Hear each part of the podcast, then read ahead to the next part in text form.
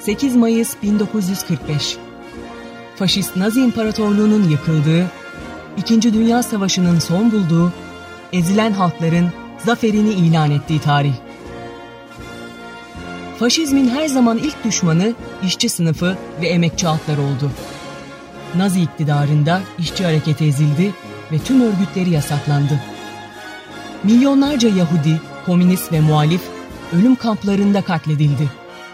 Tüm Avrupa'yı işgal eden ve İkinci Dünya Savaşı'nı başlatan Nazi Almanyası ilk büyük darbeyi Stalingrad'da aldı.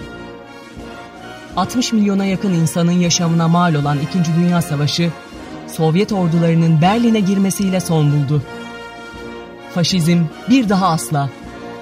8 Mayıs Faşizme Karşı Zafer Günü kutlu olsun.